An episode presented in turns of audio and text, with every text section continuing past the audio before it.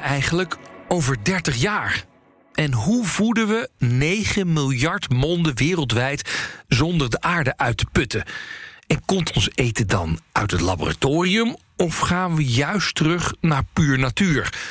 Het antwoord op deze en andere vragen zoek ik, Rens de Jong, uit in deze podcast. Voeding van Morgen. Een podcast mede mogelijk gemaakt door Unilever. In iedere aflevering praat ik met wetenschappers, ondernemers en mensen uit het bedrijfsleven over wat de toekomstige pot schaft. En, en, waar wij natuurlijk in Nederland ontzettend goed in zijn, dat is uh, uh, veel voedsel van, van minder vierkante meters. En daar hebben we ook een resistentie tegen gewonnen, tegen dat virus. Hebben we geïntroduceerd in die zoete peper. En um, die wordt nu uh, gebruikt door de zaadindustrie om die te vermeerderen en op de markt te brengen. Ja, meer dan 9 miljard mensen dus. Telt onze aarde in 2050. Nou, om al die monden te voeden, moet de landbouwproductie met, let op, 70% omhoog.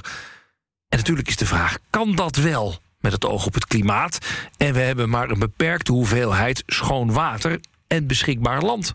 Dat wordt een, een mega-uitdaging, absoluut. Wow. Ik denk aan de andere kant, we hebben geen, geen keus. Dus we moeten daar de schouders onder zetten uh, als wereld. Ja, best zware kost dus. Maar we gaan op zoek naar oplossingen. Grote kans overigens dat die uit ons eigen land komen. Want ons kleine landje Nederland is na Amerika de tweede voedselexporteur ter wereld. Het zit hem vooral in innovatie. Uh, wij, wij zijn gewoon echt constant bezig om nog beter te worden. Ja, we doen dus iets goeds. Maar ja, hoe maak je die dure kennis en innovatie van Nederlandse bodem beschikbaar voor andere landen? En is het wel de juiste weg? Nog meer opbrengst per vierkante meter. Ik geloof de, de biotechnologen die zeggen van nou, genetische modificatie is dé oplossing.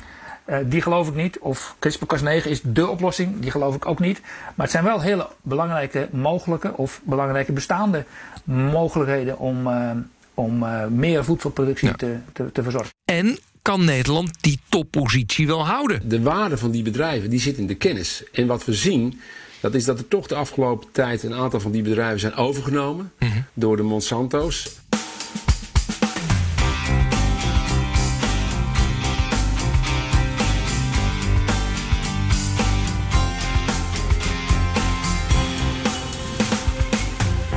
Goed, we beginnen bij het begin. Hoe groot is het wereldvoedselprobleem en wat zijn de grootste uitdagingen? Nou, iemand die daar zijn hoofd over breekt en hard werkt aan de oplossingen is Arjen van Tune. Ik ben uh, managing director van Keygene en Keygene is een uh, agro-biotechnologisch bedrijf gevestigd in Wageningen. En wat doen jullie precies? Wij ontwikkelen technieken en we ontwikkelen kennis. Um, en uh, die kennis en kunde die wij produceren gebruikt de zaadindustrie eigenlijk om betere groente- en fruitrassen te ontwikkelen. En om betere uh, landbouwgewassen te ontwikkelen. Dus eigenlijk zitten we in, uh, in de verbetering van landbouwgewassen. En dat doen we via allerlei innovatieve nieuwe technieken die we, en, me en methodes die we ontwikkelen. Hoe ze dat doen, nou, er werken bij Keygene 150 knappe koppen en die brengen allemaal het DNA van planten in kaart. Bijvoorbeeld van verschillende meloenrassen. Ja, je moet ergens beginnen. Ze zoeken dan in het DNA naar goede eigenschappen en gaan die planten dan heel gericht kruisen. En met de beste en de meest geschikte nakomelingen gaan we dan weer verder. En, en dat doen we dus elke keer door te kijken naar het DNA. Dus het is door DNA gesteunde uh, kruising en veredeling is het eigenlijk ja, ja. mee bezig zijn. En, en zit hier dan, uh, uh, dan heb je zo'n DNA-streng, dat is natuurlijk hartstikke lang, een soort code is dat. zit hier van nou, deze meloen is extra rond vanwege dit stukje DNA? Moet ik dat zo zien? Ja, klopt. Ja, ja. ja, klopt. Wij proberen de stukjes DNA in, dat totale, in die totale meloenachtergrond proberen we te, te ontdekken. En dat is niet alleen maar in de cultuur meloen, maar het is ook in allerlei wilde, wilde variëteiten van uh, meloen. En dan proberen we stukjes DNA te ontdekken die ge, ge, gecorreleerd zijn voor positieve eigenschappen. Dus bijvoorbeeld een houdbaarheid of een resistentie. En ze doen dit dus voor de zaadindustrie. Die zaadjes van verbeterde gewassen gaan de hele wereld over. Nou, we, we doen dat om dus verbeterde land- en tuinbouwgewassen te, te ontwikkelen. Uh, die uh, meer uh, productievermogen hebben om daarmee de, de groeiende wereldbevolking, die uiteindelijk tot, tot zo'n 9 miljard in, in, in 20, 30 jaar vanaf nu gaat, gaat, gaat, gaat worden. Ja, hey, want, want wat is volgens jou de grootste uitdaging als het gaat om uh, voedselzekerheid voor de komende jaren? Nou, dat zijn natuurlijk een, een aantal. Dat is natuurlijk gewoon puur de hoeveelheid uh, voedsel en de hoeveelheid calorieën. Uh, maar het voedsel moet ook uh, goed van kwaliteit zijn. Uh, liefst ook bijdragen aan de gezondheid van, van mensen. Um, en, en soms ook van dieren. En het moet geproduceerd worden op een, op een duurzame manier. Waarbij we eigenlijk moeten accepteren dat we steeds minder goed water hebben. We hebben steeds minder ruimte eigenlijk ook om ons voedsel te produceren. En ook bestrijdingsmiddelen. daarvan wordt steeds minder geaccepteerd dat die gebruikt worden. Ja, ja, dus we Tegen hebben... de achtergrond van een aantal problemen moeten we meer produceren. Ja, ja dus het is, we hebben inderdaad 9 miljard monden te voeden. Minder water, minder grond. Uh, uh, uh, we moeten minder nou ja, grondstoffen gebruiken of hulpstoffen gebruiken. Dat is, dat is een behoorlijke opgave. Ja, we moeten ongeveer anderhalf keer zoveel voedsel produceren als we nu doen. Ja. bijna twee keer zoveel. De, de, grote vraag is, hoe doe je dat? Nou, één van de opties, dat is niet de enige optie, maar één van de opties is om gewoon dat uitgangsmateriaal, die zaden en en die stekjes, om, om, die, uh, om die gewoon van verbeterde uh, variëteiten uh, te maken. Nou, over dit soort oplossingen praten we zo meteen verder. Eerst Martin van Ittersum. Mijn naam is Martin van Ittersum. Ik ben hoogleraar plantaardige productiesystemen aan Wageningen Universiteit. En ook hij buigt zich over het wereldvoedselprobleem. En dat wordt volgens hem gigantisch. Vooral in Afrika. We praten wel over enorme toename van de vraag de verwachting is dat in Afrika beneden de Sahara de vraag in 2050 uh, bijna drie keer zo groot is uh, als in 2015. Zo. Dus een verdrievoudiging van de vraag. Dat wordt een, een, een mega-uitdaging, absoluut. Wow. Ik denk aan de andere kant, we hebben geen, geen keus. Dus we moeten daar de schouders onder zetten uh, als wereld. Om al die monden te voeden, moeten we dus meer voedsel produceren. Maar ja, Waar dan? En hoe dan? Nou, dat onderzoekt Martin in het kader van het Global Yield Gap Atlas project. Ja, dat richt zich eigenlijk op het uh, in, kaart brengen van waar we uh, ter wereld nog extra kunnen produceren op het huidige landbouwareaal. Dus zonder verdere uitbreiding van het landbouwareaal ten koste van mooie natuur of waardevolle bossen of, of andere ecosystemen te kijken van het huidige areaal, als we nou eens heel goed managen, als, we, als de boer eigenlijk alles perfect deed en op tijd deed, uh, hoeveel meer zouden we dan kunnen produceren? Mhm. Mm. En dat productieniveau vergeleken met wat de boer nu haalt, noemen we de yield gap, het, het opbrengstgat. En, en dat zijn wij eigenlijk in kaart aan het brengen uh, overal in de wereld voor de belangrijkste voedselgewassen. En hoe en zit het ermee? Een... Wat, wat, dat ben ik benieuwd naar. Waar, waar zitten de grootste yield gaps? Ja, dat, uh, de grootste gaps zitten eigenlijk in, uh, in Afrika, waar boeren nu maar ongeveer 20, 30 procent halen van wat er mogelijk is als je het helemaal perfect zou doen. 20, en, en in Zit, Nederland, hoeveel zitten wij in Nederland? Wij zitten in Nederland zo op zo'n 70, soms 80 procent. Wow.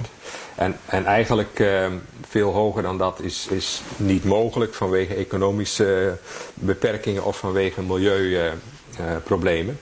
Dus we zitten in Nederland echt, echt een beetje op, de, op het maximum. Maar in Afrika, waar de vraag naar voedsel het hardst stijgt, blijft die yield gap dus het grootst. Hoe kan dat? Dat is eigenlijk een hele complex van factoren. Als je puur naar het gewas kijkt, dan moet je zeggen van omdat er dat gewas niet genoeg nutriënten krijgt, niet genoeg mest, waardoor dat gewas uh, het niet goed doet. Maar dan daaromheen is eigenlijk de vraag, ja, maar waarom geeft die boer dan niet die, die, die mest? Die, dat is dan vaak omdat de, de boer de, de, de middelen niet heeft, het geld niet heeft om aan het begin van het seizoen die kunstmest te kopen. Uh, eigenlijk op de pof moet, moet, moet krediet hebben om dat te kunnen investeren. Terwijl hij pas aan het eind van het seizoen zijn graan krijgt en dat voor een deel naar de markt kan brengen. Maar daar hebben we toch altijd microkredieten voor en dat soort dingen. Dat, dat, dat horen we ook al jaren zo, toch?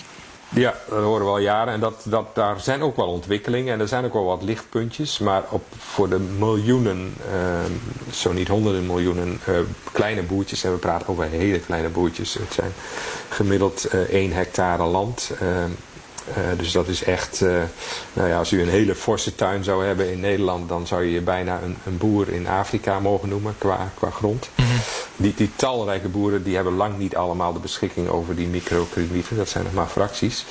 En uh, infrastructuur speelt een belangrijke rol, dus je moet natuurlijk die kunstmest op de goede plaats op het goede moment krijgen, maar je moet ook het de mais, als die aan het eind van het seizoen geoogst wordt, moet je naar een markt kunnen brengen uh, waar je dan een goede prijs kunt, kunt krijgen. En dat is lang niet overal, uh, in het merendeel van de gevallen, nog, uh, nee. nog niet goed het geval. Maar, en ja, daar, daaromheen zit dan natuurlijk weer een, een stabiel politiek klimaat om, om ervoor te zorgen dat je investeert in infrastructuur, dat je investeert in, in stabiliteit in een land. Waardoor het voor een, uh, een boer ook mogelijk is om te investeren. Dat, Ja. dat, nou ja, dat de, de risico's beperkt zijn. Terwijl de voedselproductie in Afrika achterblijft, zit Nederland ondertussen echt wel aan de max. Dus als er één land is dat de wereld vooruit kan helpen, dan is het Nederland. Dat zegt tenminste Jaap Bond. Ik ben eh, sinds 1 januari het eh, boegbeeld eh, van tuinbouw en uitgangsmaterialen. Even, eh, Jaap, uitgangsmaterialen?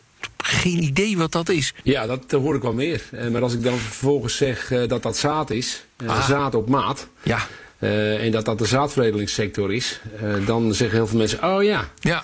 En, als je, en als je dan vervolgens zegt dat 40% van wat er groeit in de wereld aan groenten, dat dat uit ons land komt, en dat dat uit deze bedrijven komt die hiermee bezig zijn, ja, dan zie je mensen wel echt rechtop gaan zitten. Dus 40% van alle groenten op de wereld komt uit zaadveredelaars die in Nederland zitten. Ja, precies. Eh, dit is de, als je dit bij elkaar zet, dan is dit ons, de, de, de derde economische pijler eh, van ons land. Eh, en als je kijkt naar de kennis die hier zit, dan zitten we hier echt in de. Ja, wij winnen elk jaar de Champions League, om, om het zo maar eens te zeggen. We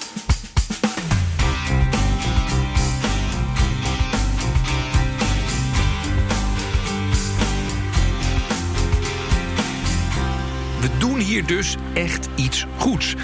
Maar ja, hoe zorg je er nou voor dat die dure kennis en kunde uit Nederland in die andere landen terechtkomt? Volgens Jaap Bond gaat dat eigenlijk al prima.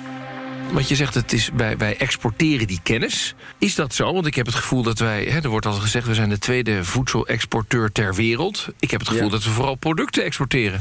Nee, onze kassenbouwers die zijn eh, echt actief eh, in de hele wereld. Eh, de zaadveredeling heeft echt vestigingen in 250 landen, want die hebben daar allemaal van die proeflanderijen waar ze dat zaadmateriaal op uittesten. Daar zitten gewoon echt wel Nederlandse bedrijven die daar heel goed samenwerking met, ja, met zo'n land en met de lokale bevolking en die daar ook zorgen voor werkgelegenheid. En zorgen dat ze ook daar op die manier die kennis krijgen. En dit is volgens mij de beste ontwikkelingshulp die je als Nederland kunt geven. Ehm, die 9 miljard mensen, die gaan we niet allemaal vanuit Nederland voeden.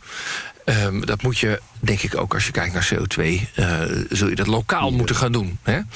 Ehm, de vraag is dan, al die hoogtechnologische dingen die wij nu aan het maken zijn en aan het bedenken zijn, krijgen we dat A geëxporteerd en B krijgen we dat ook beschikbaar voor mensen die het niet zo breed hebben? Ik, ik kan me prima. Het voorbeeld is natuurlijk de rozenkwekers in, in Kenia. Maar goed, dat is, dat is ook vooral een Nederlands succesverhaal. Het is niet zo dat daar iemand in Kenia heel rijk van wordt. Dat zijn wij natuurlijk. Dus de vraag is even: krijgen we dat richting die kleine, hevig verkavelde boertjes in Afrika? Eh, ja, het antwoord is ja. En het mooiste voorbeeld daarvan is eh, Simon Groot. Eh, die heeft op 16 oktober vorig jaar de World Food Prize gewonnen.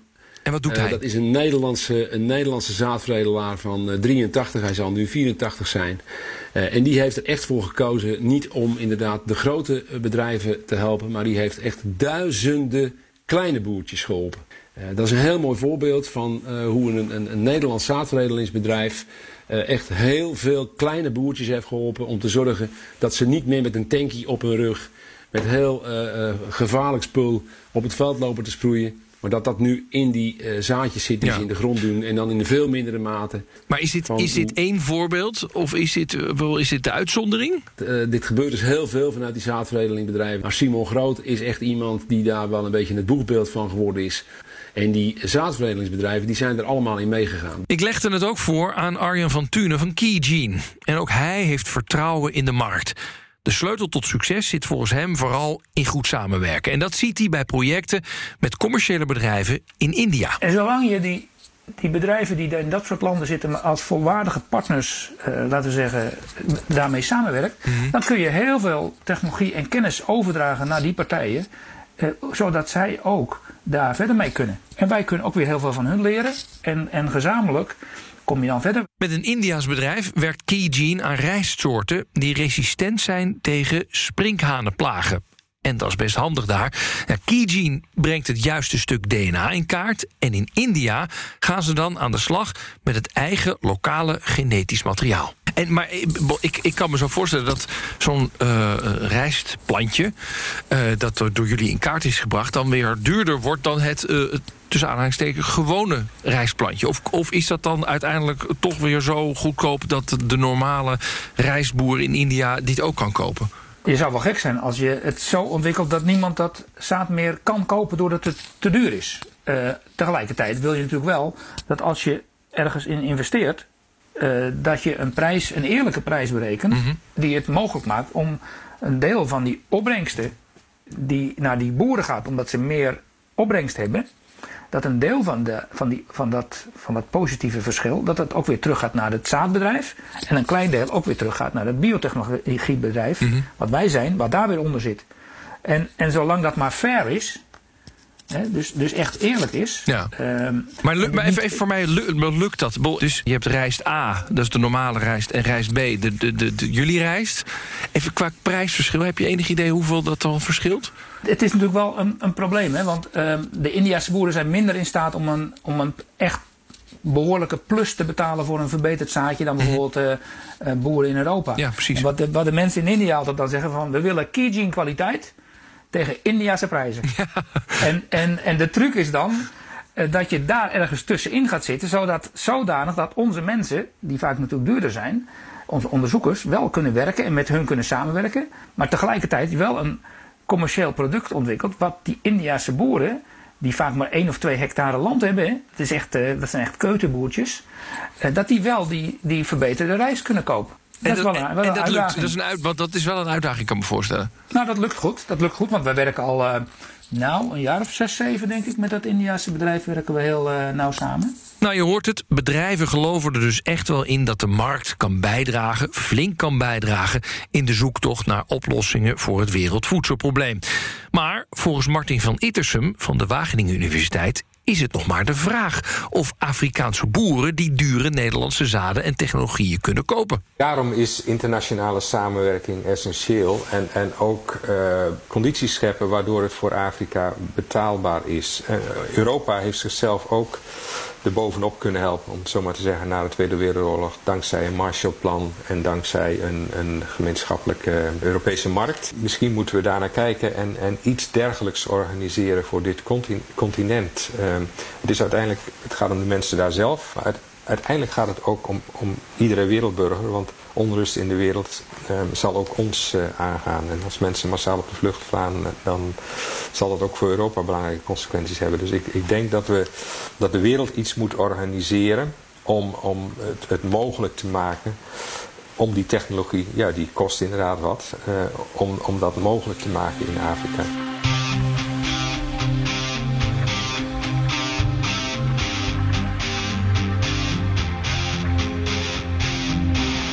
Okay, helder. Maar laten we het ook nog eens een keertje over een andere boeg gooien.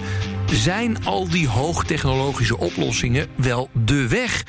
Of moeten we misschien een hele andere kant op gaan, namelijk biologisch? Want nog intensievere land- en tuinbouw, dat is toch helemaal niet goed voor de aarde? Leuk bedacht, zegt Jaap Bond, maar is onhaalbaar. Ja, kan niet. Uh, is gewoon technisch op dit moment uh, niet mogelijk. Dat is trouwens ook al berekend door de Wageningen Universiteit. Uh, kijk, ik vind de biologische sector, de biologische landbouw, de biologische veehouderij... ontzettend belangrijk als het gaat om het feit dat zij eigenlijk een, een, een kraamkamer zijn voor de reguliere teelt en de reguliere veehouderij. En dat zie je ook. Heel veel dingen die zijn ontwikkeld in die biologische sector, die worden overgenomen in de reguliere sector. Uh, dus dat, dat, er zijn heel veel voorbeelden van. In de volle grondgroenteteelt zie je dat, in de akkerbouw.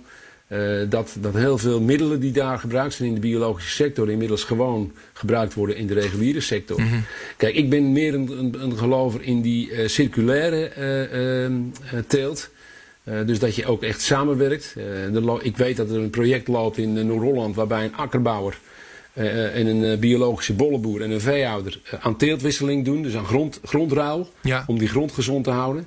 Uh, en dan kom je wel heel erg in de buurt van een soort van uh, perfecte circulaire uh, landbouw. Ja, ja, dat biologisch is best interessant, maar niet voor de massa. En zo kijkt ook Arjan van Tune van Keygene ernaar. Biologische teelt, dat is zeker heel interessant. het feit is nog wel dat de, de opbrengsten over het algemeen toch nog sterk achterlopen. Dus op dit ogenblik zijn het vooral nog, nog nicheproducten. Ik geloof meer in een combinatie. Ik denk dat het allemaal naar, naar elkaar toe gaat groeien. Gebruik maken van. Maar zeg je nou, wat zeg je dan eigenlijk? Zeg je joh, met biologische landbouw, hè, wat, wat iedereen probeert van joh, koop biologische producten, gaan we dit probleem niet oplossen met die 9 miljard monden? Nee, dat, dat, klopt. Dat denk ik niet. Dus ik zeg eigenlijk, maak dat biologische landbouw gangbaar. Pak, pak de best of both worlds. En uh, gebruik ook de technologische oplossingen die wij bieden. Uh, om ook in die biologische landbouwveredeling uh, veel sneller en beter toe te passen. En dan groeit het allemaal naar elkaar toe. De aspecten van geen gebruik van chemicaliën in de gangbare landbouw zijn natuurlijk ook heel erg interessant. Hè? Dus ik, ik denk dat het uiteindelijk naar, elkaar, toe zou, uh, zou moeten en, en ook wel kunnen groeien, denk ik.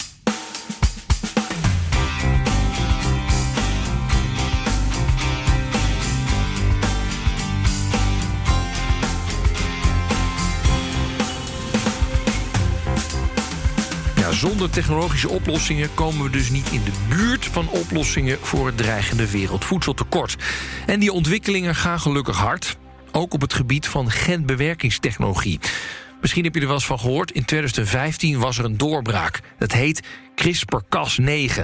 Met deze techniek kunnen onderzoekers gerichte aanpassingen maken in genen van planten. Het is een soort Photoshop voor genen. Maar CRISPR-Cas valt in Europa onder genetische modificatie en dus gelden er veel strengere maatregelen dan bijvoorbeeld in Amerika.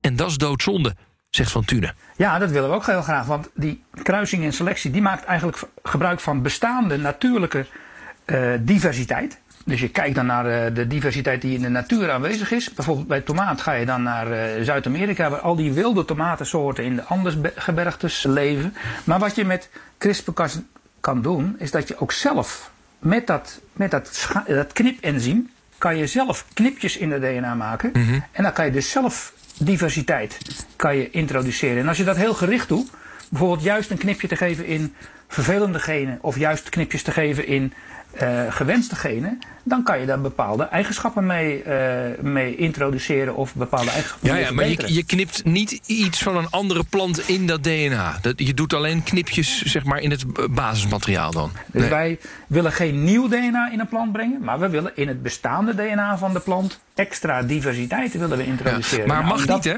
De, de Europese in Europa is dat Europese Hof heeft gezegd heel... van uh, is, is GMO genetisch gemodificeerd, dus mag niet. Ja, klopt. In Europa is men daar zeer, uh, uh, ja, zeer afwijzend tegenover. Uh, het Europese Hof van Justitie heeft daar, heeft daar nee tegen gezegd.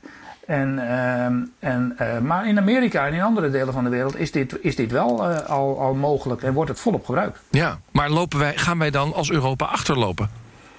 Ja, ja, dat gaan we zeker. Um, uh, er wordt wel eens gezegd dat als we niet uitkijken, dat Europa een soort museum van de plantenveredeling gaat worden. Dat we alleen nog maar, uh, laten we zeggen, traditionele, conventionele uh, veredelingsmethodes kunnen, kunnen gaan gebruiken. Wij willen juist ook die hele nieuwe en hele veilige vormen van, uh, van CRISPR-Cas9 bijvoorbeeld, die willen we heel graag gebruiken. Ja, ja, Bond maakt zich er ook zorgen over dat Nederland achter gaat lopen doordat dingen als CRISPR-Cas9 niet mogen. Die mogelijkheden om via die veredeling, waar wij echt zo goed in zijn, om in te spelen op die toekomstige wensen met name.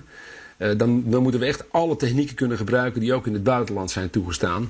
Uh, en hier zit gewoon een, een, een onbalans in. Uh, dit, dit, voelt ook gewoon niet eerlijk. En dit is voor de bedrijven die daar echt ongelooflijk veel investeren. Want dat wil ik ook nog wel even gezegd hebben. Die zaadveredelingsbedrijven die investeren uh, gemiddeld 20% van hun omzet in innovatie. Ja. En dat doen ze elk jaar. Maar is het dan zo dat die zaadveredelingsbedrijven misschien daardoor ook wel bijvoorbeeld worden overgenomen door Amerikaanse ja. bedrijven? Omdat ze zeggen, nou ja, ben ik een Amerikaans bedrijf, ga ik lekker in Amerika zitten, mag ik wel CRISPR-Cas9 gebruiken?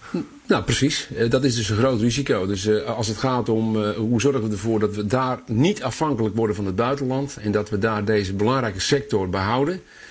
Dan, moet, dan moeten we ons echt ervoor gaan inzetten dat wij dezelfde mogelijkheden krijgen als in het buitenland. Want anders dan gebeurt dat ja, wat jij net schetste, Rens, dat ze opgekocht worden of weggaan. Ja, ja, als Europa dus niet besluit dit toe te staan, dan holt dat onze concurrentiepositie steeds meer uit. Niet alleen omdat anderen meer mogen, maar ook omdat talentvolle mensen of bedrijven weggaan. Maar hebben we daar nu al direct nadeel van?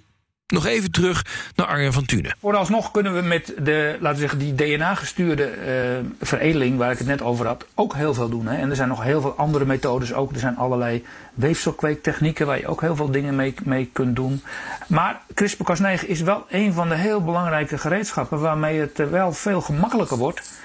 Uh, en mogelijk wordt om die, om die wereldbevolking van 9 miljard in de toekomst van veilig en goed en gezond eh, voedsel te voorzien. Daar ben ik wel van overtuigd. Ehm, niet het enige middel, maar wel een heel belangrijk middel. Dus ik zou echt de politiek en de maatschappij willen oproepen om dat toch nadrukkelijk te overwegen. Maar goed, het is wel een, een maatschappelijke discussie. Hè, dus daar zijn we gewoon van afhankelijk. En dat volgen we. Ja, en dat is eigenlijk ook een discussie over voedselzekerheid. En die discussie heeft door corona in ieder geval wel een nieuwe impuls gekregen, zegt Martin van Ittersum. Ja, maar ik denk als iets ons leert is wel dat de kwetsbaarheid van mondiale handelstromen en afhankelijk eh, zijn van producten die ergens anders geproduceerd worden. En natuurlijk weten ook allemaal wat, wat voor footprinten daar soms mee gepaard gaan in termen van milieu en klimaat. Dus ik denk dat, dat, dat zeker op dat terrein er wel um, wat consequenties zullen te trekken zijn. Dat, dat we daar beter over moeten nadenken. Van, uh, moeten we niet iets lokaler? En ik Nee, dus, zullen, dus als ik het even zo uh, uh, korter vertaal, is dat je wij gaan wel met z'n allen nadenken over de globale supply chains die we nu in het voedsel hebben bedacht en of dat nog steeds zo wenselijk is. Nou ja, iets, iets waar ik dus eigenlijk bepleit voor Afrika, dat Afrika zich toch belangrijke mate zelf moet kunnen voeden. Ik denk dat, dat voor veel delen in de, in de wereld je die vraag zou moeten stellen. Hoe, hoe kan een regio hoeft niet per se elk land te zijn, maar wel elke regio in de wereld, zich toch voor een belangrijk deel uh, uh, uiteindelijk zelf voeden.